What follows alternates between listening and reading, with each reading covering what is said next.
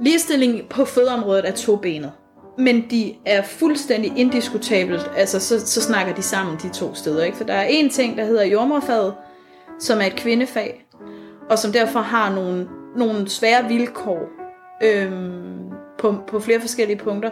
Og så er der det der med, at det er kvinder, vi behandler. Altså, og de to ting hænger jo sammen, fordi vi kan jo se nu, at kvinderne har haft brug for mere omsorg, end de kunne få i det etablerede system. Jordmøderne vil gerne give mere omsorg. Hvorfor bliver det så ikke givet? altså, dem der skal have servicen, og dem der skal give servicen, er fuldstændig enige om, hvad problemet er.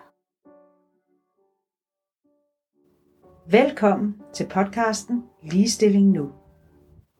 Om struktur, om køn, om mangfoldighed, om ansvar, om kvindekamp, om ligeværd, kønsroller, sundhed, feminisme, lønkamp, ligeløn, privilegier, sexisme. Ligestilling Nu. En podcast af Line Gæsø.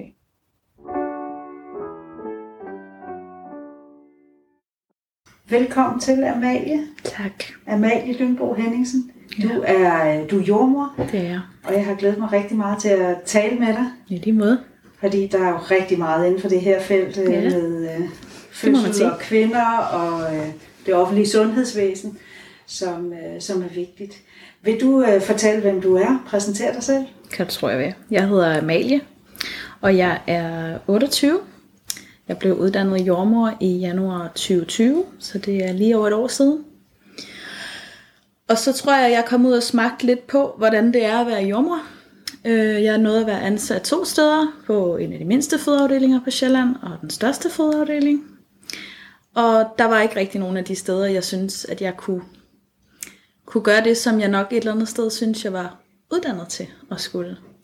Så det stoppede jeg igen, og så begyndte jeg at læse vores øh, jommervidenskabelige kandidat, blandt andet fordi jeg fik en interesse for, jeg kunne ligesom mærke, at øh, jordmorfaget ligger i mig, og det kommer aldrig til at gå væk. Så jeg synes, jeg, jeg kunne ikke se mig selv finde på et eller andet andet, at nu skulle jeg lige pludselig, det ved jeg ikke, hvad det kunne være, være pilot eller sådan et eller andet. Det, det, det, det kunne jeg ikke rigtig se, men jeg kunne til gengæld se et ret stort behov for at prøve at få dykket lidt ned i, hvorfor jordmorfaget er endt, hvor det er henne. Og det synes jeg, jeg kan med øh, at opkvalificere mig med min kandidat, med at få lidt flere perspektiver på noget mere helikopterperspektiv, end vores grunduddannelse giver. Vores grunduddannelse er rigtig god. Jeg synes, vi uddanner nogle rigtig gode jordmøder. Men det kandidaten kan, er at gå lidt mere akademisk til værk, lidt mere undersøgende til værk omkring, hvorfor vi kan godt som jordmøder snakke om, at vi er endt, hvor vi er, også ligestillingswise, men, men den der med at blive kvalificeret til at, til at kigge på noget mere teoretisk, jamen, hvorfor er vi egentlig endt der, hvor vi er, det, det blev jeg helt tændt af. Og hvad tænker du, når du siger endt der, hvor vi er? Hvad, hvad, hvor er det så, vi er endt i forhold til der, hvor vi skulle være? Jamen altså, jeg tænker jo et eller andet sted, at vi er endt i et øh, system, som fødslerne måske ikke nødvendigvis passer ind i. Øhm, man kan starte helt tilbage fra fødslernes indtog på øh, de store specialiserede afdelinger. Allerede der vil jeg sige, at vi begik en kæmpe stor fejl. Fordi det, øh, det har haft, efter min mening, rigtig, rigtig stor betydning for, hvordan vi anskuer fødslerne, og dermed også, hvordan vi behandler dem i vores system det er en mandsdomineret, nu siger jeg mandsdomineret, jeg mener ikke mand som i nogen, der har en tissemand, men jeg mener et, et maskulint øh, domineret sundhedsvæsen, vi har, det bygger meget på maskuline værdier. Og der kan jeg bare se, at der er fødslerne, som i min verden jo, fordi jeg er jordmor, er øh, noget normalt, en kvindebegivenhed, en, en familiebegivenhed er det jo også blevet heldigvis, øhm, som et eller andet sted over årene er, er blevet mere en, i stedet for at være en livsbegivenhed, så er det blevet sådan en eller anden medicinsk begivenhed, som skal overstås. Og øh, det vil jo nok ikke overraske nogen med min titel, at det er jeg meget uenig i, og det mener jeg, at øh, det, er en, det, er en, det er en forkert vej at gå, fordi vi, vi får ikke rigtig noget ud af det. Øhm, heller ikke i forhold til sundhed og i forhold til bedre børn. Og, altså, øhm, vi får ikke noget ud af, at helt normale gravide skal underlægges et regime, som tænker i medicin og tænker i interventioner for at hjælpe nogen, for de skal faktisk ikke hjælpe. Altså, grundlæggende skal en helt normal fødsel jo understøttes, men den skal jo ikke hjælpes til at være noget, den ikke er. Nej, fordi nogen vil måske sige, jamen det redder jo liv. Ja, og, og det ved vi jo så ud fra forskning, at sådan noget som hjemmefødsler, det, det er mega sikkert, og det er det jo fordi, at en fødsel, som er normal, har en jordmor stående, som godt kan finde ud af at reagere på hvis noget lige går den anden vej, og så skal vi selvfølgelig ind på en specialiseret afdeling. Men vi mister noget, når vi starter fødslerne derinde, for så er hele den her medicaliseringstankegang, den er faktisk startet, ikke? Øhm, det er meget sjovt, og vi bruger det tit som sådan en lidt sjov anekdote inden for jordmorfaget, det der med, at der faktisk står i lovgivningen, at du må ikke flytte på en ko, hvis den har mulighed for at kælve inden for de næste otte dage, tror jeg. Ikke? Og det første, en kvinde skal gøre, når hun mærker ved, det er at ringe til en fødeafdeling, så skal hun sætte sig ud i sin bil, og så skal hun fandme bare køre. Ikke? Øhm, og det synes jeg er, øh, det synes jeg i hvert fald er noget, vi skal tænke lidt over. Hvordan vi egentlig er begyndt at anskue den der fødsel der, som jo for langt de fleste går fuldstændig ukompliceret. Og vi kan også se i de nyeste tal for forskning, at når vi begynder at blande os, så laver vi faktisk ind imellem komplikationer, som ikke ville have været der, hvis ikke vi blandede os. Og der tænker jeg i forhold til et ligestillingsperspektiv, at det er nogle maskuline øh, værdier, der kommer ind i det her med, at det sådan er meget kvantitativt, og vi tænker det meget på den der måde, og der glemmer vi, at en god fødsel også en fødsel, hvor mor er tryg, fordi det, at hun ikke er tryg, kan faktisk give de her kvantitative, vi godt kan lide at måle på, komplikationer. Ikke? Øhm, og derfor synes jeg ikke, det har fået... Vi er ikke der, hvor vi skal være. Altså øh, i forhold til at anskue fødslen som noget, der ikke bare er en medicinsk begivenhed. Det er det også forstået på den måde, at vi skal jo ikke bare sætte os ud i bushen og føde, fordi vi kan også, det går heller ikke så godt i de, i de øh, lande, hvor man ikke har kvalificeret fødselshjælp. Så det er jo ikke, fordi jeg mener, at det skal fuldstændig afmedikaliseres. Men jeg mener bare, at en jordmor er ganske fint kvalificeret til at træffe den beslutning om, at nu er det kompliceret, og nu er det fint, at vi tager den hat på. Men indtil da gavner fødslerne faktisk af, at vi tænker dem som en normal livsproces, som kvinder selvfølgelig kan gennemgå. Ja. ja. Fordi en af grundene til, at jeg også har inviteret dig ind øh, i dag, det er, det er jo fordi, vi i medierne læser en masse beretninger fra, fra kvinder, der har født, hvor fødslen har været en redselsfuld oplevelse ja, for dem. Det er øhm, og de har, øh, der er forskellige beretninger. Nogle af dem har, har måtte vente rigtig længe på at komme til, eller født under meget dårlige forhold. Og så er der jo også alle de her øh, planer for effektivisering, vi, mm. vi, vi ser rundt omkring i regionerne. Altså, man begyndte jo med de her fødeplaner, dengang regionerne blev skabt, og så har man set nogle stramninger af fødeplanerne, som godt kunne ligne besparelser frem mm. for, øh, at man prøver at forbedre forholdene mm. for de fødende. Mm. Mm. Øh, jeg ved, du taler om en, om en fødekultur simpelthen. Mm. Øh, vil du fortælle lidt om det? Ja, altså, øhm, jeg, jeg mener, at der er en kultur, hvor vi kommer til at primært det, jeg startede med før, med at vi anskuer fødslen som en medicinsk begivenhed, og så det, at vi også oveni har fået øh, en, en, et ressourceproblem. Altså kombinationen af øget medikalisering, øget risikotænkning, og så et system, der simpelthen snubler over sig selv, fordi vi har så travlt. Øh, det har været en af grundene, til, eller nogle af de, hvad skal man sige, en samlet pakke har været, at jeg, at jeg har oplevet en kultur, hvor man simpelthen ikke øh, har mulighed for at se den enkelte kvinde. Det bliver, øh, hun bliver en genstand. Hun bliver simpelthen objektiviseret. Øhm, og det kommer der, øh, har jeg oplevet nogle rigtig, rigtig, rigtig grimme fødsler ud af. Og det er jo muligvis nogle af dem, der er nogle af kvinderne, der skriver om, ikke? Ja, ja. ja. Fordi man simpelthen, altså den her med omsorgstræthed, empati, man kan, man kan ikke som jordmor på en 12 timers vagt tage med, i, altså imod fire børn, relationsstand med fire fædre, relationsstand med fire mødre, øh, og så samtidig have den der øh, fuldstændig afgørende evne til at se ind i kvinden. Hvad har hun brug for nu? Fordi en fødende kvinde har brug for en jordmor, der kan se hende. Øhm, særligt når der sker noget kompliceret, særligt når der lige pludselig er mange mennesker på en fødestue, eller i en hjemme, ved en hjemmefødsel, hvor man skal overflytte, der har hun virkelig brug for at føle sig set, for ikke at blive tabt. Og det kan man ikke fire gange i træk på 12 timer, fordi hele setupet er bare til, at det bliver mere sådan, nu går jeg lige herind og griber det her barn, og så går jeg øh, ud igen. Ikke? Øhm, så, så kulturen er resultatet, øhm, og den er, nu Birgitte Halkær, som er formand for forældrefødsel, hun kaldte det en overgrebskultur. Og det, det er der mange, der ikke kan lide det ord, så jeg er nok lidt mere, øh, hvad skal man sige, retorisk diplomatisk, og, og, vil, og, vil, og vil, vil nok måske mere øh, behandle det som en, omtegne det som noget, der kunne minde om en forrådelseskultur, for det er et ord, vi godt kan, det, det klinger lidt bedre, også fordi impliceret, for det handler jo ikke om, at der er nogle fagpersoner, der ikke vil det her overhovedet. Ingen. Det handler bare om, at det kan simpelthen, det, man bliver nødt til, for også at passe på sig selv, nogle gange, at lade sin empati være, og det går ud over kvinderne, og det går ud over fædrene, og det går ud over børnene. Og hvad, hvad tænker du, hvordan går det ud over dem? Hvad, hvilken oplevelse står øh, familierne med og kvinderne? Jamen, det er jo det der med ikke at være blevet set, ikke? Og være blevet, og være blevet objektificeret. Øhm, nu er det jo ikke alle, der hører det her, der nødvendigvis har været ude for at være med til en fødsel, øh, men, men, men alle, der har, vil jo nok øh, genkende til, at det er en meget voldsom oplevelse. Øh, det er ikke negativt ment, jeg synes, det er en af de største begivenheder i hele verden, men det er voldsomt, og det er særligt voldsomt for øh, hvad hedder det, de, de, de kvinder, som går ind til det, fordi og det vil jeg også næsten våge påstå, at alle kvinder vil være enige med mig i. Der er fandme ikke nogen, der har forstået, hvor ondt det gør at føde, før man selv har prøvet det. Altså det gør jo bare Helt vildt. mega ondt. Ikke?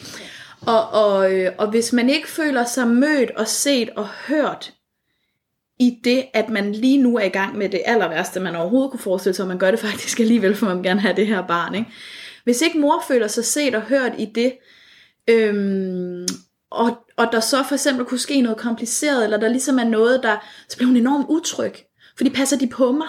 Altså, har hun egentlig min interesse, hende her, øhm, der står over for mig, og som jeg måske egentlig ikke har haft sådan en, en man kan godt have øjenkontakt med nogen, uden at kigge sådan rigtigt i øjnene med dem, ikke? Og hvis der ikke er tid til det, jamen, så er man jo bange hele vejen igennem. Og det ved vi også, hvad gør ved en fødsel. Frygt er jo fødselens værste, værste fjende. Altså, og så synes jeg også, der mangler det perspektiv, hvad med den far, der skal sidde og kigge på alt det her, hvis ikke vi overhovedet har tid. Altså, ej, for, ej, for har jeg bare været med mange gange til nogle komplicerede ting, og der sidder jo bare en far over i hjørnet, og han har jo åben mund og polyper, og han aner ikke, hvad der foregår. Altså, og, og dem, der, når vi nu snakker ligestilling, så kan vi også ligesom snakke den lidt begge veje, måske få lov til det, ikke? Altså fordi vi har inviteret mændene med på fødestuen, men vi har måske lidt glemt at reflektere over, hvad, der, hvad det er for nogle oplevelser, de så kan få.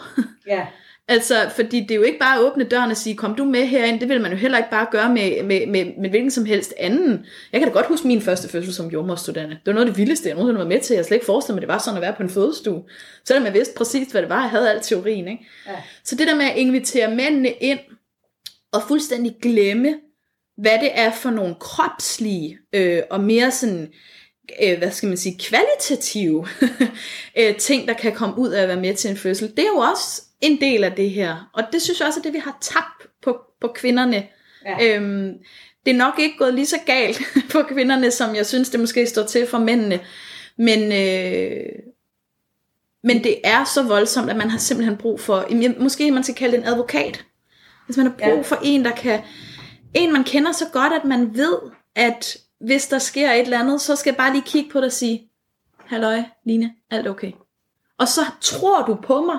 Mm. Den relation kan man ikke nå at lave på 20 minutter, inden man skal gribe en baby. Det kan ikke lade sig gøre. Og slet ikke, når de gravide jo i forvejen måske kommer ind ad døren med, med en form for skepsis, ikke? fordi de har set 4-5 forskellige jordmøder i deres graviditet. Øhm, og nu står de så der, og øh, de har ligget og ventet i 4-5 timer nede på en fødemodtagelse med vejer, fordi der ikke var en ledig fødestue. Så hele, jeg oplevede som jordmor, at det var en lang undskyldning for mig selv, og for, ja, jeg vidste, jeg ved godt, at din fødsel har dårligere vilkår nu, fordi du er i det her system. Og jeg vil ikke, øh, jeg kunne ikke og det øh, har jeg respekt for, at der er nogen, der kan, for ellers var der ikke nogen på vores fødeafdelinger. Men jeg kunne ikke blive ved med at sige til mig selv, at de har også selv valgt at føde på hospitalet, og det er jo så ligesom en del af pakken, eller sådan. Øhm, fordi jeg køber ikke den præmis om, at alle kvinder bare vil så, nå, men så føder jeg bare hjemme eller på en fødeklinik. Altså den, det, det, det, det, er for, det er for fragmenteret i to forskellige lejre. Der er en mellemting, altså, og man behøver ikke at være skide bange for at føde, bare for at vælge at føde på hospital. Der kan være mange gode grunde til at vælge at føde på hospital. Så, så jeg blev ligesom sådan, ja, jeg blev, jeg blev ked af det, og jeg blev træt af, at, øh, at jeg skulle være en lang undskyldning for mig selv, når jeg jo egentlig synes, jeg var en meget bedre jordmor, end den, jeg gik og undskyldte for. Ja, så det her, altså du siger jo rigtig mange ting her, og rigtig mange vigtige ting. Øh, både det her med, det er det værste, man er i, samtidig med det er jo også det smukkeste, øh, man er i, øh, når man er i en fødsel. Og så det her, som jeg synes er meget spændende, med hvordan tager vi hånd om øh, manden mm. eller faren. Øh, bliver den far taget hånd om på en fødestue, fordi mm. det, det, det kunne man gøre mere også, så han bedre kan støtte mm. kvinden, der ligger yeah. og føder. Ja, det tænker jeg godt, man kunne, men det kræver en massiv indsats i graviditeten. Ja. Det kræver, at, øh, det kræver, at far er tryg ved jordmoren. Ja. Det kræver, øh, at far tror på, at øh, altså det, det er jo også, som jordmor er man jo også, har man jo også enormt meget respekt for, at det har en familiebegivenhed. Altså, så, så det der med også at gå ind, jeg kan da godt komme i tanker mange gange, hvor jeg har stået i det der dilemma med, ej mand, hvis jeg nu bare kendte den her familie lidt bedre, så vil jeg vide mere om, hvor går grænsen for, hvad der er hjælp og hvad der er indblanding. Sådan en mand som min egen for eksempel, han øhm, var en, for det første mega fed fødselspartner. Nu har jeg ligesom sagt det, så hvis han lytter med, så øh, må jeg godt sige, hvad jeg gerne vil nu. Men han øhm, havde rigtig stor glæde af, at det var en af mine gode veninder, øhm, som var vores jordmor, og som også kom hjem til mig, da jeg skulle føde vores datter.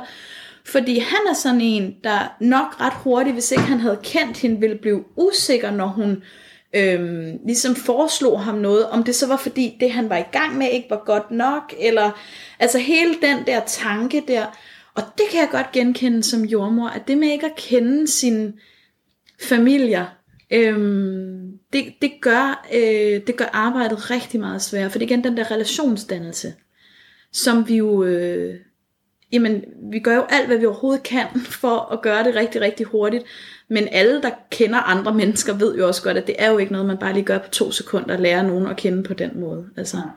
Man har jo prøvet at kompensere for det ved at lave kendt jordmorordning for eksempel. Mm. Øh, hvad tænker du om, om den? Jeg tænker, at øh, jeg har nok en af de jordmøder, der vil elske at arbejde i den ordning, så det er nemt for mig at sige. Men øh, jeg vil, øh, jeg synes det skulle være, øh, altså jeg synes simpelthen det skulle være fuldstændig lovbestemt, at det havde man, havde man ret til. Jeg, kan du lige fortælle om det, fordi vores ja, kender Ja, det kan jeg selvfølgelig. Kendt jordmorordning øh, er jo en, en ordning, hvor man, øh, det kan gøres lidt forskelligt rundt omkring i landet, så der kan godt være sådan små forskelle fra det, jeg lige siger nu, men helt overordnet set betyder det, at man kender sin jordmor i graviditeten, og derfor også føder med den jordmor. Så hvis nu det for eksempel var mig, der var din jordmor, så vil du måske have mig og en anden jordmor, måske en tredje, som du kendte i løbet af din graviditet, Øhm, og som, hvis det er helt godt, også er den, der har fortsat været med til din fødselsforberedelse, og altså alle de her ting, som ikke bare var en auditorieundervisning måske. Ikke? Øhm, og det vil sige, at når du så på et tidspunkt skal føde, så ringer du til den af os tre, der har kaldet, og så ved du, at det er en af os, der kommer. Øhm, det har været udrullet mange steder i Danmark, så har det været rullet tilbage igen, og nu har vi faktisk, tror jeg overhovedet ikke nogen kendt jommerordning på Sjælland mere. Øh, det er noget, de åbenbart desværre kun kan finde ud af herovre i Jylland. Jeg ved ikke hvorfor. Men øh, det tætteste, jeg har været på, det var, da jeg var ansat på det lille fødested, ikke? altså hvor vi havde omkring 800 fødsler. Der kunne man en gang imellem få lov at føde med med en af dem, man havde i sin egen jordmorkonsultation. Men, men det er stadigvæk ikke det samme. Altså, øh, og, og den der tryghed for kvinderne i, at det er den jordmor, du kender, der kommer. Der, hvor vi har kendte jordmordninger på Sjælland, det er det private. Altså, der er ikke nogen af de offentlige, der har. Roskilde Fødeklinik og Storkereden og hjemmefødselsordningen. Sjælland har jo kendte jordmøder kvæg, at det er et privat tilbud, de selv har valgt, hvordan de skal, de skal administrere deres penge og deres tid. Ikke? Så, så det er det, der er hele konceptet. Øhm, og hvis det skulle være rigtig godt, så vil jeg da sige, lad os da også få noget barselspleje på tapetet der, ikke? fordi det giver også bare mega meget. Altså. Jeg har prøvet, jeg har, jeg har fået to børn, og den yngste, der nu er syv, har jeg født med, med kendt jordmor. Ja. Og det var helt klart øh, en kæmpe fordel. Det var, øh, det var ikke sådan den primære af de tre øh, jordmøder, men det var øh, en, jeg kendte, og, mm. og som kendte meget godt. Mm. Det er klart, fordi det kommer an på, hvem der lige har vagten mm. den dag. Mm. Men, øh, men det fungerede rigtig godt, mm. men det blev sparet væk også mm. i Syddanmark øh, meget hurtigt øh, mm. derefter. Øh, så jeg tror, det er nok udfaset mange steder, mm. uden, at, uden at vide det helt. Øh, det er bare sjovt også, du siger sparet væk, ikke? fordi kigger man på det, og det er jo faktisk billigere. altså kigger yeah. man på det over et helt liv, ikke? Yeah. Fordi det giver bedre fødsler, det giver, det giver bedre mødre, fødsler. det giver bedre familier. Øh, ja. så. Og jeg tror også, man kommer også hurtigere ud fra sygehuset. Det gør altså, man. Så det, det gør man. Ja. Jeg ja. tænker, fordi man har haft et bedre forløb, og så er man mere tryg, og så ja. kan du hurtigere. Ja. Det her med fødselsforberedelse, der kan jeg se, og jeg kan ikke helt se, om det kun er på grund af coronaen, men jeg har i hvert fald læst mig til, at at, øh, at fødselsforberedelsen nogle steder foregår via YouTube-videoer. Og det, det synes jeg jo, øh, uden at være jordmor, jo er, er dybt problematisk, fordi hvordan i alverden kan man forberede sig ved at sidde og se YouTube-videoer. Mm. Altså man kan lære meget, man kan lære strikke ved at se YouTube-videoer, jo, jo. Men, men, men det her med fødsler, som netop, som du også siger, kan være voldsomt angstprovokerende. Øh, og der er jo også en teknik i det. Mm, mm. Altså jeg, jeg, jeg må være der svar skyldig, fordi jeg er jo enig med dig i, jeg kan ikke lige se, hvordan man skulle kunne lære at føde. Altså, øhm, jeg kigge på en YouTube-video. Jeg tror igen, jeg vil hive lidt fat i det der med de mandsdominerede værdier. Det man kan sørge for på en YouTube-video, det er, at kvinden ved, hvor mange minutter skal der være for den der V, og til den der V, og altså alle de der sådan faktuelle du du du, men du kan jo ikke lære noget om, hvad er det, det eksistentielle ved at føde? Hvad er det, du går ind til med din krop, med din sjæl, med hele dit liv, når du skal have det her barn? Og i virkeligheden er det ikke så vigtigt, om der er tre eller fire minutter imellem vejerne. Det er ret vigtigt, hvordan man har det, når man føder. Og hvad ens indstilling til det at skulle føde et barn det er. Og det er endnu mere vigtigt, at man bliver mødt i den. Fordi jeg er ikke sådan en, der vil stå og sige, at der er en rigtig og en forkert måde at ønske sig at føde på. Jeg synes bare, det der er det forkerte, det er, hvis man ikke møder folk i det, og man ikke får snakket med dem om det. Og det kan du jo ikke på en YouTube-video. Altså de gravide, der sidder og er hundeangste for at føde, og i virkeligheden måske allerhelst bare vil have sig et kejsersnit, de bliver jo ikke mødt når de ser, jamen, så meget mellem vejerne, og så skal du ringe, og det der sker, det er, at livmorhalsen, den åbner sig, den åbner sig 10, den skal åbne sig 10 cm, og der er i øvrigt heller ikke nogen, der lige fortæller dig, at det sker heller ikke nødvendigvis som sådan en lineær graf. Altså, det bliver så unuanceret, fordi man skal lave sådan en one size fits all, og helt seriøst, jeg vil påstå med fødsler, one size fits none. Altså, det, ja. det er, jeg som jordmor kan jo ikke engang, selv, det er jo ikke fordi, når nu far han kommer ind på fødestuen og spørger mig, Nå, hvor lang tid tror du så det her tager? Så er det ikke engang fordi, jeg ikke vil Nej. sige, hvor lang tid det tager. Det er fordi, jeg har ingen idé om, hvor lang tid det kommer til at tage. Altså, jeg ved det ikke. Så, så, så man kan sige, YouTube-videoerne og de der øhm, forelæsninger, auditorieforelæsninger, som man har kørt primært i hovedstaden meget, meget længe, jeg synes faktisk næsten, det er øh, en fornærmelse over for jordmorarbejdet at kalde det fødselsforberedelse. Fordi det er jo bare et for... Altså det er jo, så kunne du lige så godt bare sige til dem, at de skulle læse fire sider i en bog. Ja. Og kalde det fødselsforberedelse. Altså det, det giver jo det samme.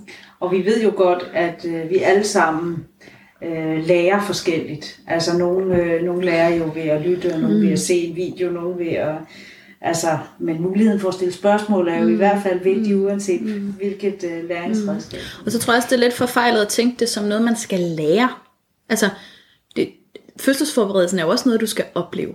Ja. Altså god fødselsforberedelse, det skal du jo opleve. Det er jo noget, du skal lære. Det er jo ikke sådan, at jeg tænker som jordmor, Nå, men hvis du har gået til fødselsforberedelse, så er du nok bedre til at føde børn, end dem, der ikke har. Ja, for det kan man jo ikke lære. Altså, mm.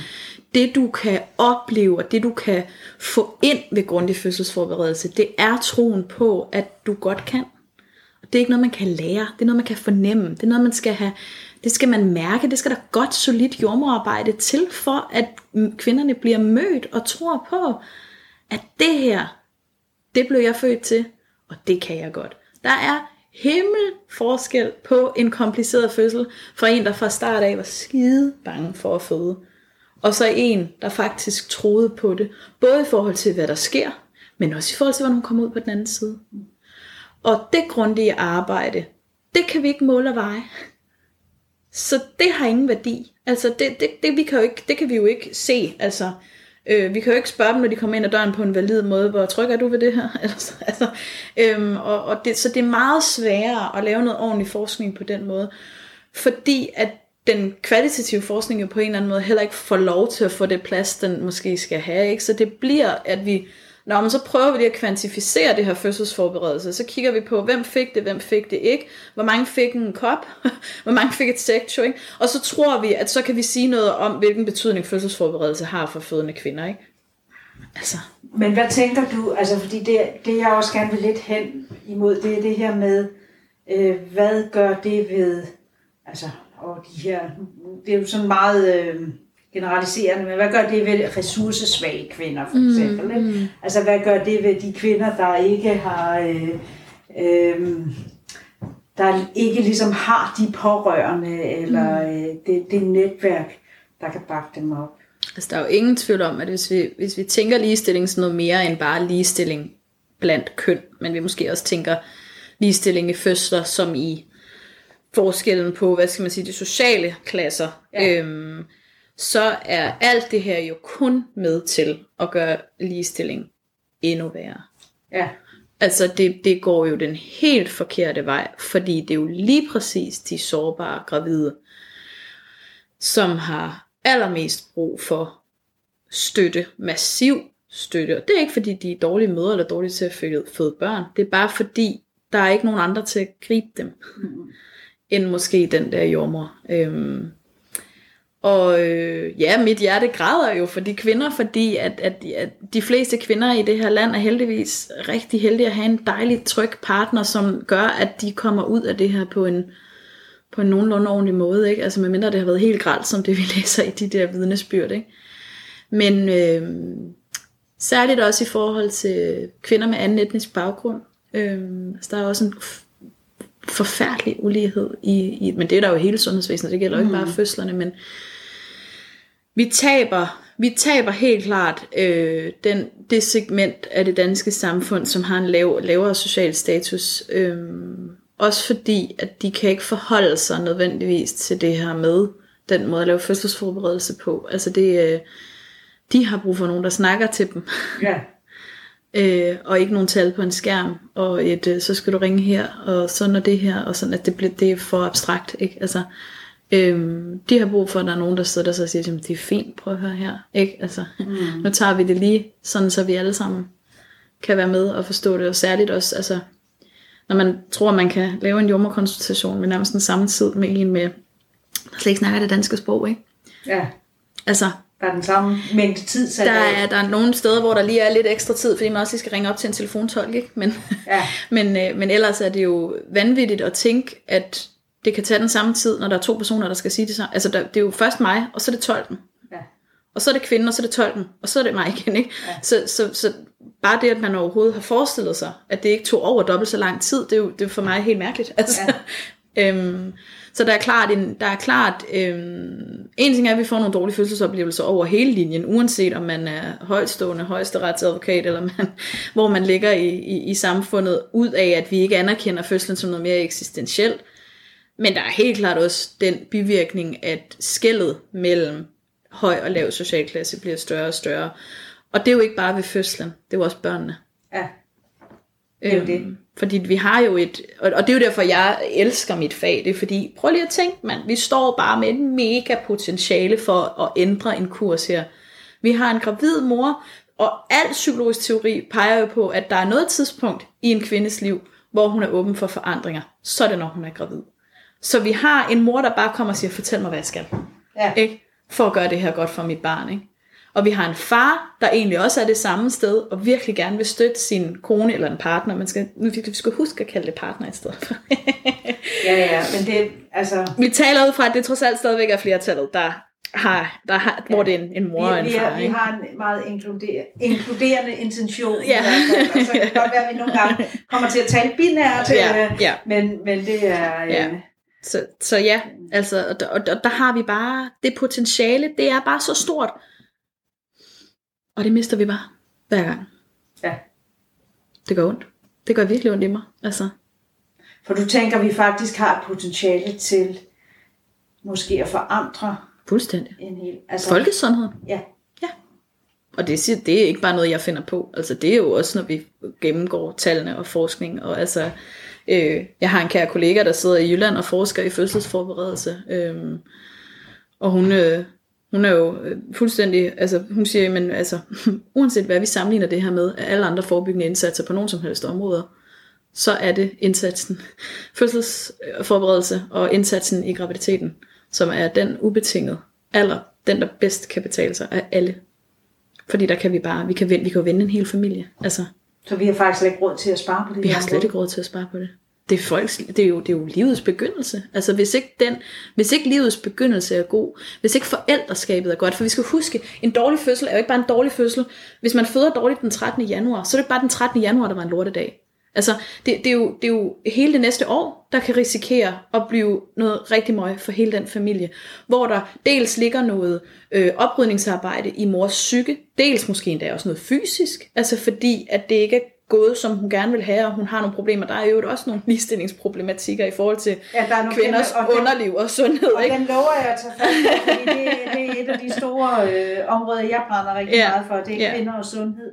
Øh, og, Så, så, men det jeg bare vil sige med det, det var, det, det, er jo, det er jo et helt barneliv, vi kunne tage hånd om ved at lave nogle forældre, der er klar til det her, og virkelig har forstået, hvor vigtig en opgave det er, de er, og hvor give dem den kærlighed til, at det de skal nu, det er bare, det her barn, det skal bare næres og have det godt, ikke? Og en ødelagt mor eller en ødelagt far, det, det vil give altså ødelagte børn. Altså ja. potentielt, ikke? Altså fordi så vil der jo også sidde nogen og sige, åh jo, men altså jeg blev da, ja min mor fødte da sådan og sådan, og det gik da fint nok, ja, og det skal vi da bare være glade for. Men det, det, er, det er op ad bakke for en kvinde, der har nogle af de fødselsoplevelser, som vi har læst om i medierne, og forvent den til et positivt moderskab. Ja. Ja, og vi ved jo, at, øh, at jordmødrene har fået Magnus Heunicke, vores sundhedsminister, råbt op. Mm-hmm. Han har lovet at kigge på det her. Mm-hmm. Øh, og hvad tænker du, hvad i øh, din optik skal der gøres? Jamen, øhm, jeg tænker jo, øh, og jeg tænker jo mange ting. Altså, jeg, jeg ved, at der er nogen, der stadigvæk har den opfattelse af, at nu er jordmøderne bare knipset med fingrene, og så er der nogen, der lige pludselig har kigget på vores område. Men så må de jo lige læse lidt i historiebøgerne, fordi det er jo ikke, sådan er det jo ikke. Altså, øhm, så, så jeg tænker, at det er en lang og sej kamp, der har varet for os og for kvinderne også. Og det jeg føler er anderledes den her gang, det er, at man faktisk virkelig har fået kvindernes øhm, stemmer med ind i debatten på en helt anden måde, end vi har haft før. Og det tror jeg er rigtig godt. De fødende kvinder. Ja, ja. Og også dem, der, øh, jamen, altså det er jo også bedstemødre. Altså, Ja. Det er jo faktisk heldigvis nærmest, en, øh, altså det er jo over hele paletten. Ikke? Øhm, og det tror jeg er rigtig godt, for, fordi vi må også erkende, at vi er øh, lige rundt regnet 3.000 jordmøder i det her land. Det er en forsvindende lille gruppe. Altså, og når vi råber op, så kan vi jo råbe så højt, vi overhovedet vil. Ikke? Så jeg, jeg tænker, lad os nu se. Det tror jeg er det første, jeg tænker. ja. Og så tænker jeg, det er da dejligt, at øh, Heunicke han vil anerkender, at der er kæmpe store problemer. Det synes jeg er rigtig dejligt. Så man skal også huske at rose ham for at faktisk... Jeg læste et interview med ham i Femina, hvor, hvor jeg faktisk sådan egentlig tænkte, okay, han har faktisk forstået, at det her ikke bare handler om det, jeg plejer at kalde pisse i bukserne for at holde varmen. At det er måske, det stikker nok lidt dybere, end at vi øh, lige sådan opnummerer jordmøderne, eller sådan et eller andet i den stil, ikke? Det jeg bare har rigtig svært ved at forestille mig, det er, at det overhovedet kan lade sig gøre at skabe den revolution på fødeområdet, som jeg synes, der skal til. Ja, for du leder efter et paradigmeskifte, altså at gå fra det maskuline til... Ikke nødvendigvis kun et feminin, men i hvert fald noget, hvor at det, den, hvor det kropslige, det eksistentielle, det får meget mere plads. Altså, hvorfor kan vi det, når folk ligger på hospice? Hvorfor kan vi finde ud af det der? Ja, Helt ærligt. det er interessant. Når folk skal dø. Altså, det er ikke, fordi jeg underkender det. Min svigermor er hospice-sygeplejerske, mega dygtig. Men hvad sker der lige for det? Altså, øh, du vil da aldrig nogensinde byde en hospice-sygeplejerske, at hun skulle rende mellem fire forskellige dødslejre på en... Altså, Nej, og lige snakke lidt med dem, og lige snakke lidt med dem, og uh, fik jeg lige dokumenteret det her, og fik jeg nu lige, og nej, og nej, og det skulle jeg også. Altså, det vil vi da stå og tænke, hvad i alverden er det, der Nej, foregår? der skal være ikke? ro der jo. Der skal være ro, der skal være tid, der skal være nærvær, der skal være omsorg. Kunne vi tage dem over til fødslerne også? Men det er jo det her med at få omsorgen Ja. i fokus. Mm. Hvordan gør vi det? Hvordan får vi, øh, hvad skal man sige, værdisat omsorgen Ja, højere? det er jo et rigtig godt spørgsmål, fordi der synes jeg også, der ligger nogle ligestillingsproblematikker internt i sundhedsvæsenet. Ja. Øh, hvad, er det, vi, hvad, er det, hvad er det, vi selv synes, og hvad, hvad, hvad er det, vi måler som værdifuldt? Øhm, jeg synes ofte, at øh, vi som jordmøder kommer med noget rigtig kvalificeret forskning, både kvalitativt og kvantitativt, og det, øhm, der er også et ligestillingsproblem, lad mig sige det på den måde. Øhm, det bliver, altså negligeret er måske et, et grimt ord, men, men det bliver i hvert fald ikke, det bliver ikke anerkendt lige så meget, den jordmorforskning, der er, øh, og, og den, det vi kommer til med bordet, og der kan jeg forestille mig, at det sygeplejersker nok også har haft nogle problemer med, Ja. som, øh, som, som, de, som de medicinske, altså som den lægelige forskning, øh, og som det, de ligesom bringer på bordet. Jeg, jeg, øh, vil, jeg skal også passe på her, fordi der er en årlang kamp mellem læger og jordmøder, som jeg på ingen måde vil, vil melde mig ind i. Altså fordi jeg har dårlige jordmorkollegaer, jeg har dårlige lægekollegaer, og jeg har gode lægekollegaer, og jeg har gode jordmorkollegaer. Så det her handler for mig ikke om øh, fagpersoner, Nej eller øh, en faggruppe mod en anden faggruppe. Det handler om et helt system, hvor vi simpelthen er blevet blinde på, hvad det er, der foregår. Ja, altså man kan jo sige, at hver faglighed har jo deres mm. plads og deres rolle, ikke? Og, og skal jo respektere Ja. hinanden indbyrdes, og, og der skal være plads til hinanden Ja. indbyrdes. Og der tror jeg netop det, vi måske får tage fat i det, vi startede med, med at fødslerne er kommet ind på hospitalet. Der tror jeg faktisk måske, vi kan kigge lidt ind i jordmorstanden og sige, der har vi sgu ikke været vågne nok. Fordi der er øh, helt naturligt, og tak til min lægekollega for at tænke komplikationer og risici og sådan noget. Jeg skulle ikke være læge.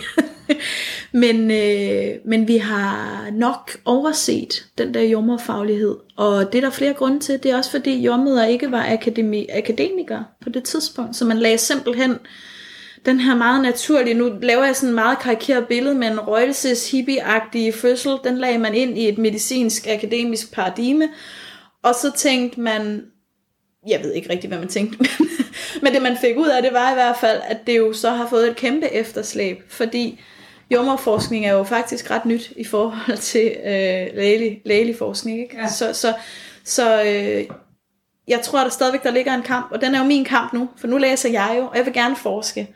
Men der ligger en kamp i det der med at få ørenlyd, også ved forskningsbordet, også ved retningslinjerne, også ved, altså hvem er det, der skal definere vores arbejdsområde? Det er jo rigtig mange steder faktisk nogle læger, der sidder og gør det. ja.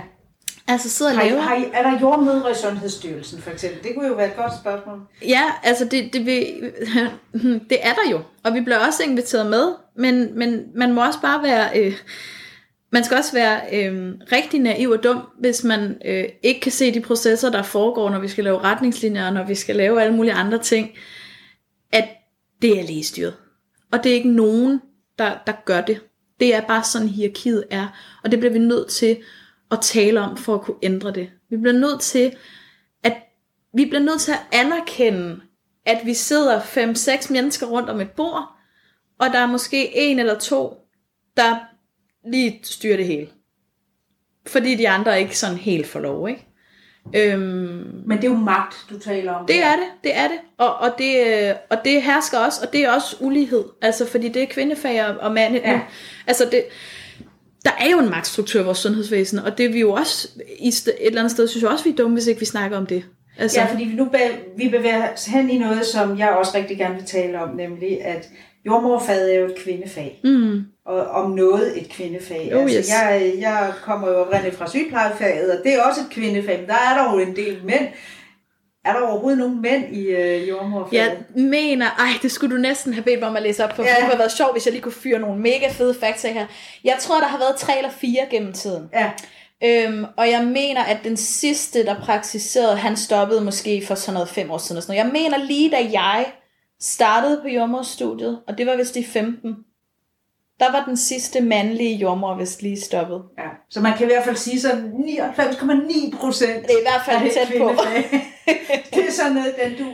Ja. Øhm, og, og, og det gør faget jo egentlig ret unikt. Ja. Tror du det her med, at det er et kvindefag, at det har noget at sige i forhold til jeres position og øh, værdisættelse af fødsler? Fuldstændig. Det er jeg faktisk slet ikke i tvivl om. Øhm, jeg tror, det, det er tobenet, fordi en ting er, at det er et kvindefag. Jeg synes nu også, der findes nogle ret seje kvinder, som tager, øh, hvad skal man sige, for at bruge et rigtig grimt udtryk, tager bukserne på Ja. og banker lidt i bordet, og øh, øh, ret skal være ret, og vi vil også høres. Men når man både er et kvindefag, og kun er en faggruppe på 3.000, og det er altså 3.000 aktive jordmøder, det er jo ikke 3.000 på fødegangene.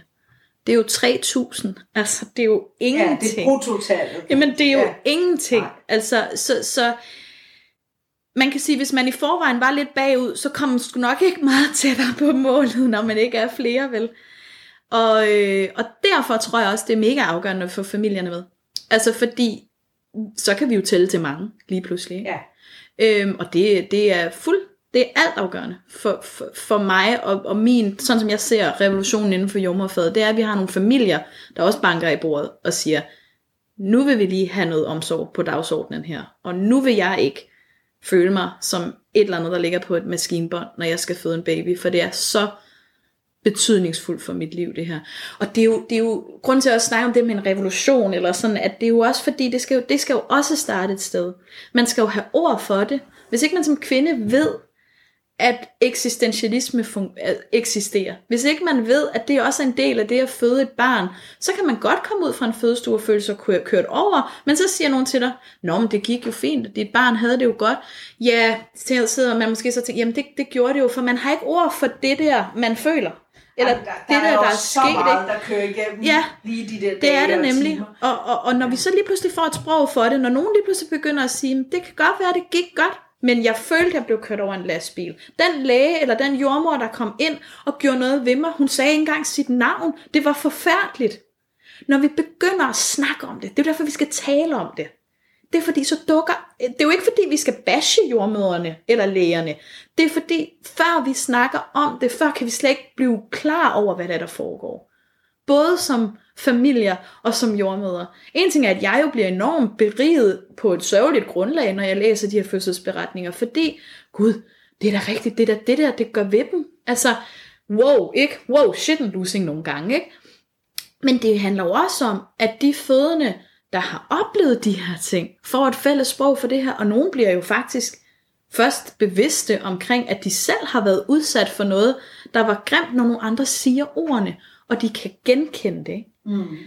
Og derfor er det jo så vigtigt, at vi får familierne med, og at vi får snakket om de her ting. Fordi ellers vil der sidde nogen, som måske føler de her ting, men ikke rigtig ved, hvad de så skal gøre ved det. Eller hvad det er, de egentlig føler. Ja. Det er rigtig spændende, det du siger også med, med den proces, der sker for kvinderne i fødslen. Mm. Øh, og det kan jeg også øh, selv ikke genkende til, og det er jo også derfor, der er jo stor forskel på at være førstegangsfødende og med nummer to og så videre og så videre.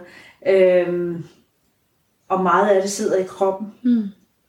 Kæmpe kropslig oplevelse. Det er en, en meget kropslig oplevelse, Mega. og det, det, altså jeg, jeg kender det selv. Jeg får altid, når man begynder at snakke om det der med fødsler, eller jeg lytter til nogen, der fortæller om fødsler, så får jeg ondt sådan lige, Ja. lige lidt under lægen.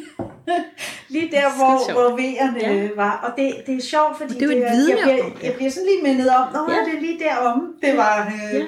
ja. Og det tror jeg, der er mange kvinder, der har. Mm. Den der øh, hukommelse af smerten, Mm. øhm, der ligger i kroppen. Jeg tror helt klart, at, at altså, kro- kroppen, kroppen husker rigtig meget mere, end vi selv gør. Og det er også derfor, jeg synes, vi, øh, vi skylder vores mødre og vores familier at anerkende det, fordi øh, den der fine sætning med, når dit barn har det jo godt, eller I har det jo godt, det er kroppen, der er ligeglad med. Ja, Det, det, den, det, det ændrer jo ikke på, altså det, det, jamen det kan da godt være, at det gik godt, men hvad, skulle, hvad, hvad, hvad skulle jeg bruge det til, hvis jeg føler mig fuldstændig kørt over et tog inde i? Altså, ja. øhm, så, så, så husker min krop altså stadigvæk, hvor forfærdeligt det her var. Øh, når det for eksempel har været noget, noget der var traumatiseret, ikke? Jo. Så, traumatiserende, ja.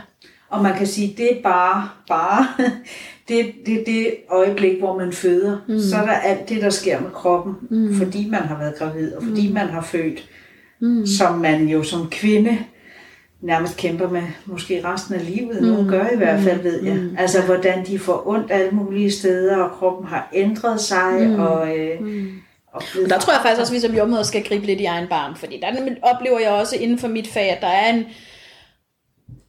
måske lidt for løs nogle gange fortolkning af, øh, jamen det er jo bare fordi, du har født, eller det er jo bare, altså, øhm, det er Jamen. bestemt ikke alle, men, men, men den der med øh, tilgangen til alt omkring fødslen, som noget, der bare er normalt, og det må vi bare vente på at gå over, eller sådan, ikke? Der, der tænker jeg også, der er nogle områder, hvor at, hvor vi måske skal, skal, skal tænke os lidt om, altså øhm, at lade være med at holde tingene så normale altid. Man skal måske ikke acceptere al, alle de forandringer. Er det det? Nej, og man skal i hvert fald være meget, meget skarp på, at det kan godt være noget af normalt, men hvis det forringer nogens livs, livskvalitet, så skal vi tage os af det. Ja. Og, Altså, og det gør det jo for nogen i hvert fald. gør det, det gør altså, det, Der ja, er jo nogen, ja. der får øh, ja, skader, og nogle, af, nogle ting er jo nærmest sådan, øh, altså, øh, der er det muskulaturen eller skelettet, mm. der ligesom har forrykket mm. sig øh, mm. på hele kroppen. Jo. Så der, der findes mange af de her. Ja, og det, desværre. øh, Der er jo også et ligestillingsproblem, men det siger du, at du vil snakke om på et senere tidspunkt, ja, når man så ja. kommer med sine fødselsskader, ikke? Sådan, om Jo. du har jo også født et barn. Og hvad så? ja. altså, det er, jo ikke, det er jo ikke en hjælp. Og så det her med, at man ikke... Øh, man måske som kvinde ikke er så bevidst om det, fordi man har så travlt med at tage sig af barnet. Mm. Altså jeg kan huske, efter barn nummer to, et års tid efter, gik jeg til tandlægen og fik hævet to tænder ud og lavet en rådbehandling, sådan noget den dur. Det var simpelthen så vildt. Og jeg sagde til ham, jeg sagde, hvad i alverden sker der her? Fordi jeg synes jo ikke, jeg har ændret øh, vaner eller noget. Og så siger han, jamen, har nogle børn? Hvor gamle er de? Og det sagde jeg så, og så siger han, det er helt typisk. Ja. Og så sad jeg der og tænkte, jeg er sygeplejerske. Jeg burde mm. vide det her. Og jeg sad og tænkte, hvorfor er der ikke nogen, der har fortalt mig det? Hvorfor er der ikke nogen, der har sagt til mig, pas nu på de tænder, når du, øh, Mm. fordi at man giver mere omsorg til børnene. Ja. Og så glemmer man sig selv. ja. Altså, Men det er, øh, der er en, der har vi også en opgave for os, tror jeg. ja, Ja, i forhold til kvinders sundhed helt generelt. Og, øh, og der er igen, tror jeg, en, en ulighed. Der er en jommer, der har opfundet sådan noget, der hedder et spekulum, det vil sige, det er sådan, at man sætter ind i skeden, når man skal øh, altså sy efter fødslen, som så gør, at, øh, at man har meget bedre udsyn, og man faktisk kan suturere enormt meget bedre, end man ellers ville kunne. Øh, det er jo opfundet for nogle år siden, og det er jo mega sejt. Altså, øh, og så øh, har jordmøder jo gået vidt og bredt rundt på fødeafdelingerne. Ej, prøv at høre, og det her spekulum, og kunne vi ikke prøve det? Og, og møder total modstand. Ikke? Ja. Øhm, det er dyrt, og det er alt muligt, og det er altså ikke sådan... I forhold til, hvad vi giver for medicin, lad mig bare sige det på den måde, så er det ikke fordi, det er sådan nej. så peberet er det heller ikke, hvis nu man kunne sikre nogle kvinders sundhed resten af deres liv, fordi man faktisk kan se, hvad man laver, når man skal Ja. suturere deres bækkenbund, ikke? Så kan jeg huske, der var en jordmor, der sagde til mig, det er fandme typisk, mand. Hvis det her, det var en penistransplantationsafdeling, og vi skulle bruge så, nogle, så mange penge der på at reparere i deres tissemænd, så var det fandme ikke nogen som helst, der havde Nej. undret sig over, at selvfølgelig skulle vi have det instrument, der gjorde det allerbedst, ikke? Selvfølgelig. Ja. Altså, Ja. Og selvfølgelig skal dem, der sidder og syr det her, hvis de tror, de kan gøre det bedre, fordi vi køber en eller anden dims til 200 kroner, jamen så skal vi have den. Altså, Ja. Ja. period, ikke? Jo. Og det, der var nogen, der, der var jo steder, der ikke engang ville tage den i sådan, altså i prøve. Ikke? Ja. Fordi, ah, behøver vi nu også det? Det går jo egentlig, det går, det går jo egentlig fint nok, ikke? Det går jo ikke fint nok. Der er jo, folk, der er jo kvinder, der render rundt med fødselsskader. Ja, ja, altså, ja, ja. Og, og, og det går jo ikke fint nok. Nej. Altså, og, og hvad, er der, også- hvad er det også for en måde at sige, når fagpersonerne selv sidder og siger, jeg tror faktisk, jeg vil kunne gøre mit arbejde endnu bedre, hvis jeg får lov til at prøve at bruge den her ting. Ja. Hvad er det så for en, en tilgang at sige, det tror vi ikke.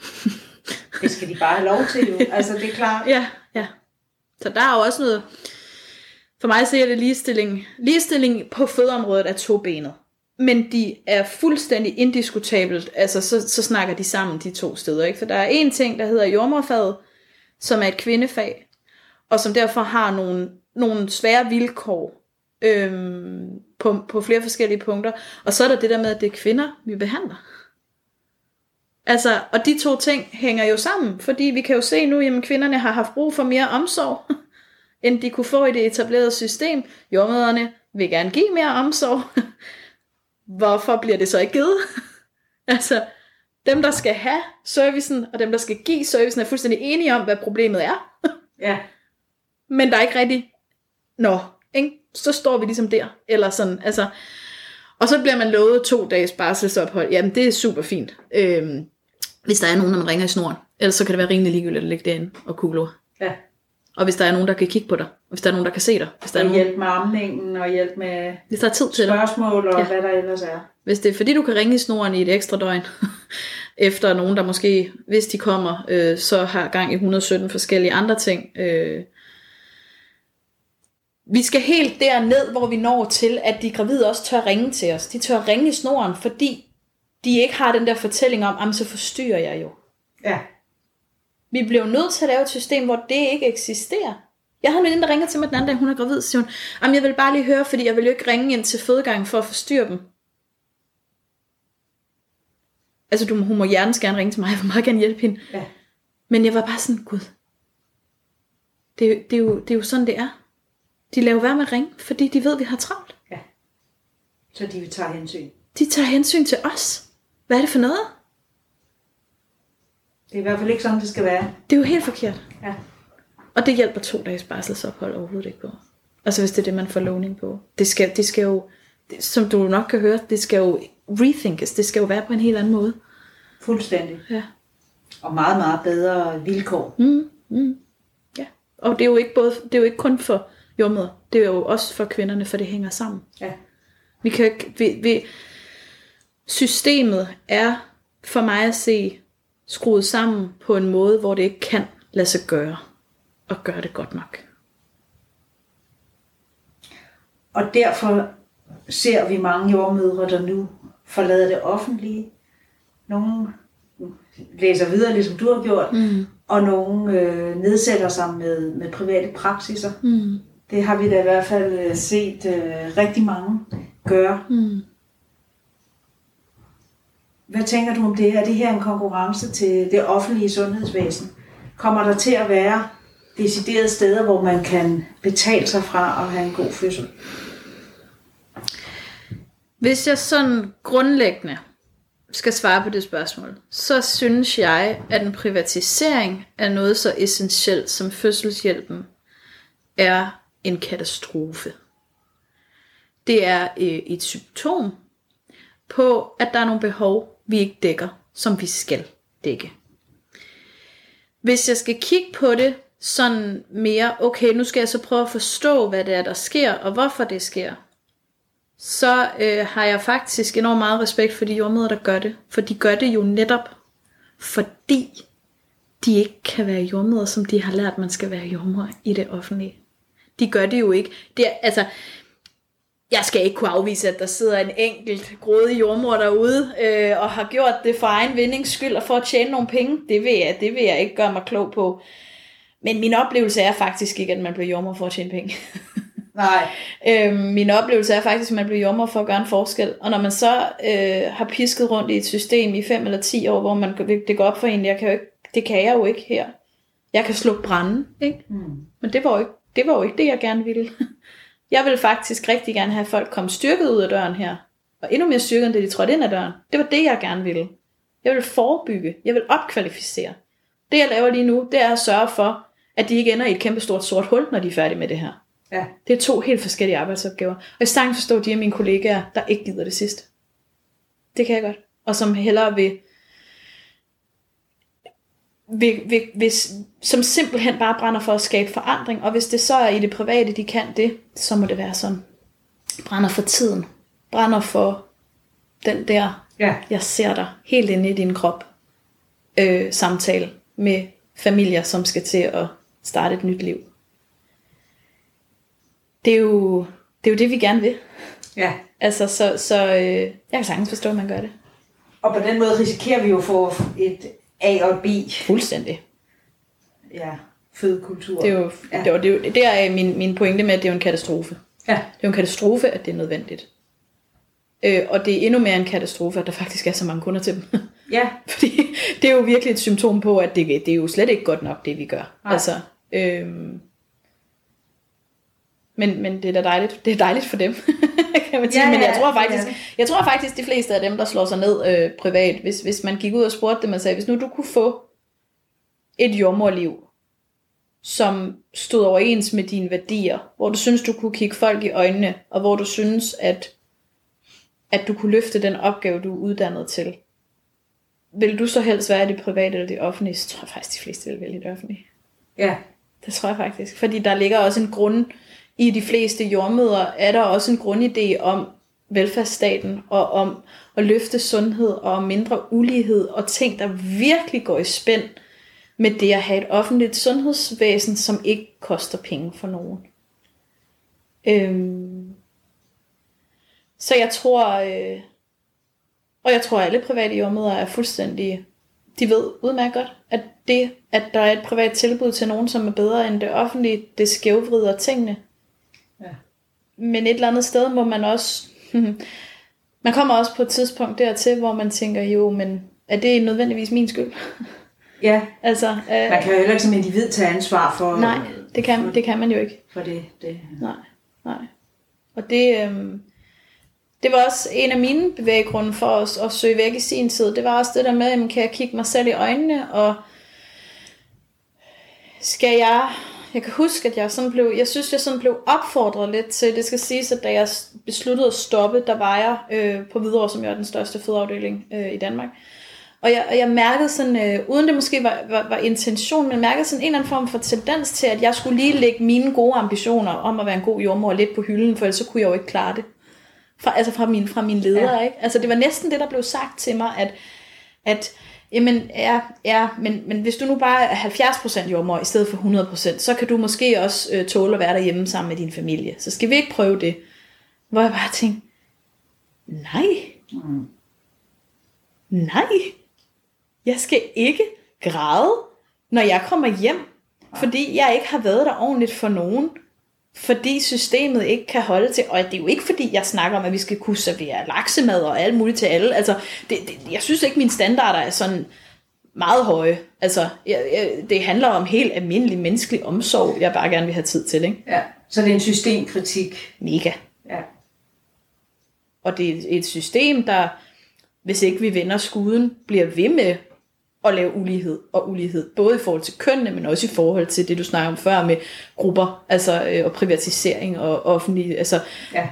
hvis ikke vi, vi virkelig tænker os om, og hvis ikke vi virkelig slår bremsen i nu, så skrider det jo fuldstændig. Og jeg tror ikke, jeg er den sidste jordmor, der forlader skuden. Det tror jeg ikke. Det er jo... Jeg tror kun, det går den vej. Altså, de studerende nu er jo begyndt... Altså, de studerende råber jo op nu, vi gider fandme ikke under på nogen ansættelseskontrakt, når vi er færdige til sommer. Nej. Men, øh, men det er jo godt, der er nogen, der råber op. Ja, Øhm, det er nødvendigt. Jeg ja. tror det. Og jeg tror også, at en af fordelene ved, at vi har kvinderne og familierne den her gang, det er også, at vi kommer lidt udenom den der, øh, huha, tør vi gøre det her, fordi det er jo så nogen, der bliver, altså, der er jo nogen, man svigter. Og jeg, det var da også min tanke, da jeg sagde min stilling op. Jeg svigter mine kollegaer, og jeg svigter de gravide. Men så begyndte jeg ligesom lidt at se, at jeg svigter jo også ved at blive ved med at træde i det hamsterhjul. Ved at blive ved med at løbe, når nogen blev ved med at vil have mig til det. Altså, øhm, og, og blive ved med at nedprioritere min egen faglighed over, altså, over et eller andet system, som vil have mig til at gøre det på en bestemt måde, som jeg ikke kan stå inden for. Så, så jeg, jeg, det er en systemkritik, men det er jo også en kritik til jordmøder. Mm. Kig lige indad en gang. Hvis det, du laver, er noget, du ikke synes, du kan stå inden for, hvorfor bliver du så ved? Ja. Fordi hvis det lige præcis bare kører rundt, så kan jeg godt love jer for, at så bliver det bare to dage på barselsgangen. Hey, så har vi fået noget, ikke? Fordi så er der ikke rigtig behov for at se det. Altså så, nå, om den der revolution, det kan vi lige sådan, nej, det behøver vi nok ikke rigtigt, ikke? Hmm. Fordi der stadigvæk er nogen, der bliver ved. Og, og jeg, jeg er helt med på, at det handler også om mad på bordet, og det handler også om at forsørgelse ja, ja. og alt sådan noget. Men vi skal også alvorligt kigge ind af, altså, øhm, den kultur, jeg snakkede om, også med, med, med, med en, en eller anden overgrebskultur, hvad vi skal kalde den, det er også os. Ja, vi står midt i det. Ja, forrådelsen. Ja. Det er ikke nogen, det er også dig selv. Ja. I virkeligheden kunne jeg måske bedre tænke mig, at vi begyndte at føle det til at handle om, prøv lige at kigge på dig selv. Siger du fra, når der kommer 10 mennesker ind på din fødestue, og virker som om, at de skal til at, de skal til at befri fem vilde løver? Siger du fra, sød jommer? Altså, gør, gør du øh, Kigger du altid den fødende i øjnene i en akut situation? Når du altid det, du synes, du skal for at få folk styrket herfra? Og hvis du ikke gør det, så er du nødt til at tage hånd om det, for så er du en del af det. Ja. Og nogen rejser væk. Det gør jeg. Jeg kunne ikke. Nej. Men det er jo en af grundene til, at vi sidder her i dag og taler ja. sammen. Der er noget andet, jeg gerne vil øh, lige vende lige komme omkring, det er øh, det her med, når man, når man som kvinde føder et barn, så ligesom om man, man bliver meldt ind i en klub. Altså, der er ligesom en klub for kvinder, der har født. Kan du ikke genkende det? det? Ja, det kan jeg godt. Ja. Er det noget, I taler om, eller er det noget, I forholder jer til øh, som jordmødre, at det her med, at man det er så livsforandrende, men det er også, altså, man er i et fællesskab. Jeg, jeg tror ikke, at vi sådan forholder os til det i, fød, i, i, i, fødet, i mødet med den gravide. Øhm, men jeg tror, at man sådan implicit forholder sig til det forstået på den måde, at den der morklub, og det at være mor, og det at blive til en mor, Øhm, at det ved vi jo en del om, hvad det gør ved mennesker. Og derfor ligger vi jo også virkelig en dyd i, at prøve at forberede folk så godt som muligt. Både ved at afmystificere, og ved øhm, at, at mane lidt til ikke at overtænke tingene så meget, som vi måske gør nogle gange, men jo også til refleksion. Altså jeg vil ønske, der var meget mere tid til nogle mere eksistentielle spørgsmål. Ikke?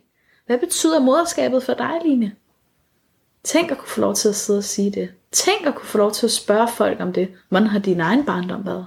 Ja. Hvad tænker du om det? Ja. Hvad, hvad tænker du, at du tager med? Og også spørge fædrene om Ja, det er præcis.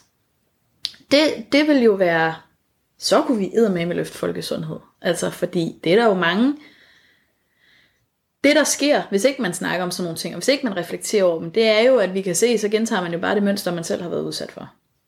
Øhm, og der kan vi jo igen snakke om virkelig at kunne løfte den laveste del af vores samfund, som måske har nogle rigtig grimme ja. oplevelser. Ikke?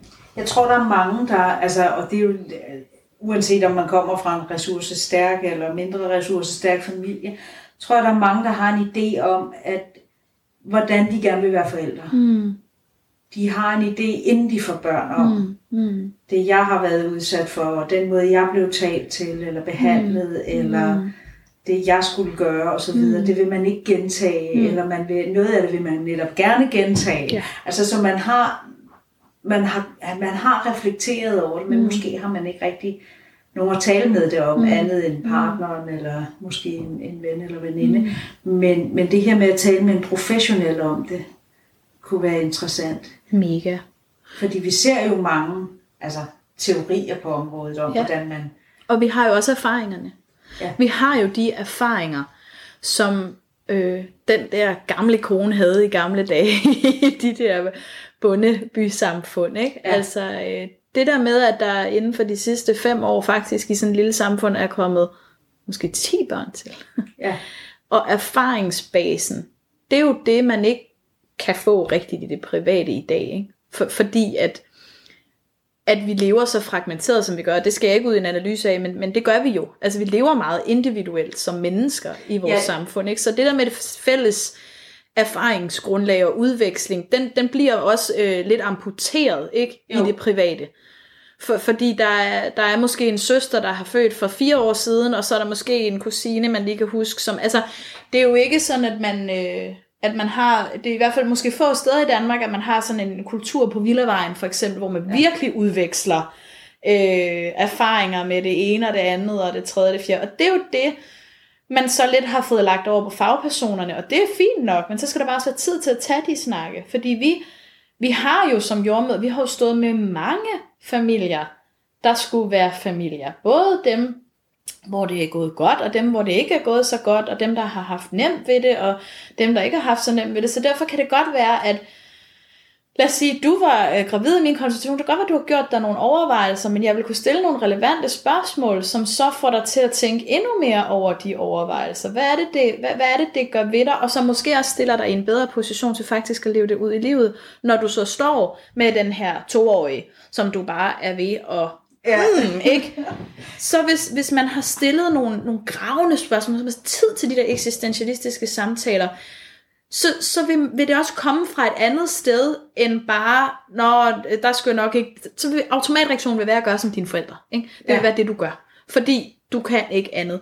Hvor at hvis du ligesom, det er også derfor terapi virker, ikke? Altså, det er fordi, hvis du ligesom har fået, hvis du har fået snakket mere indgående om det, hvis det er blevet en del af din bevidsthed. Hvorfor betyder det noget for dig? Hvad var det, det gjorde ved dig, da din mor gjorde nogle grimme ting ved dig? Eller hvorfor vil du ikke give det videre? Eller få dig til at reflektere over de her ting, så vil det også komme til udtryk, når du står i situationen. Og det er i hvert fald svært at få fra en YouTube-video.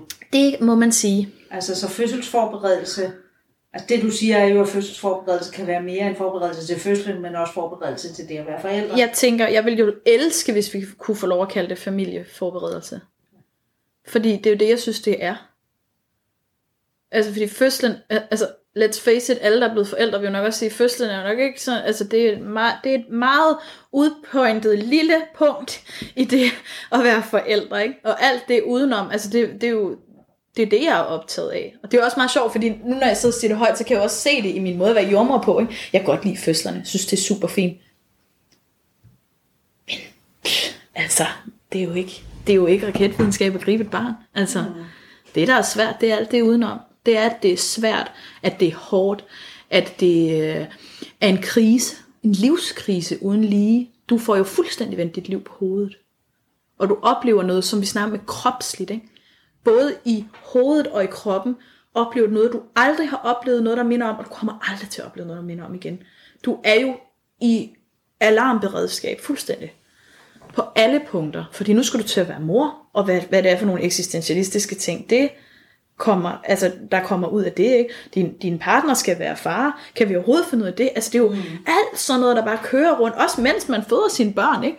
Så, så, så, så fødslen, det, og, og sådan være meget det... fokuseret på fødslen, er sådan lidt...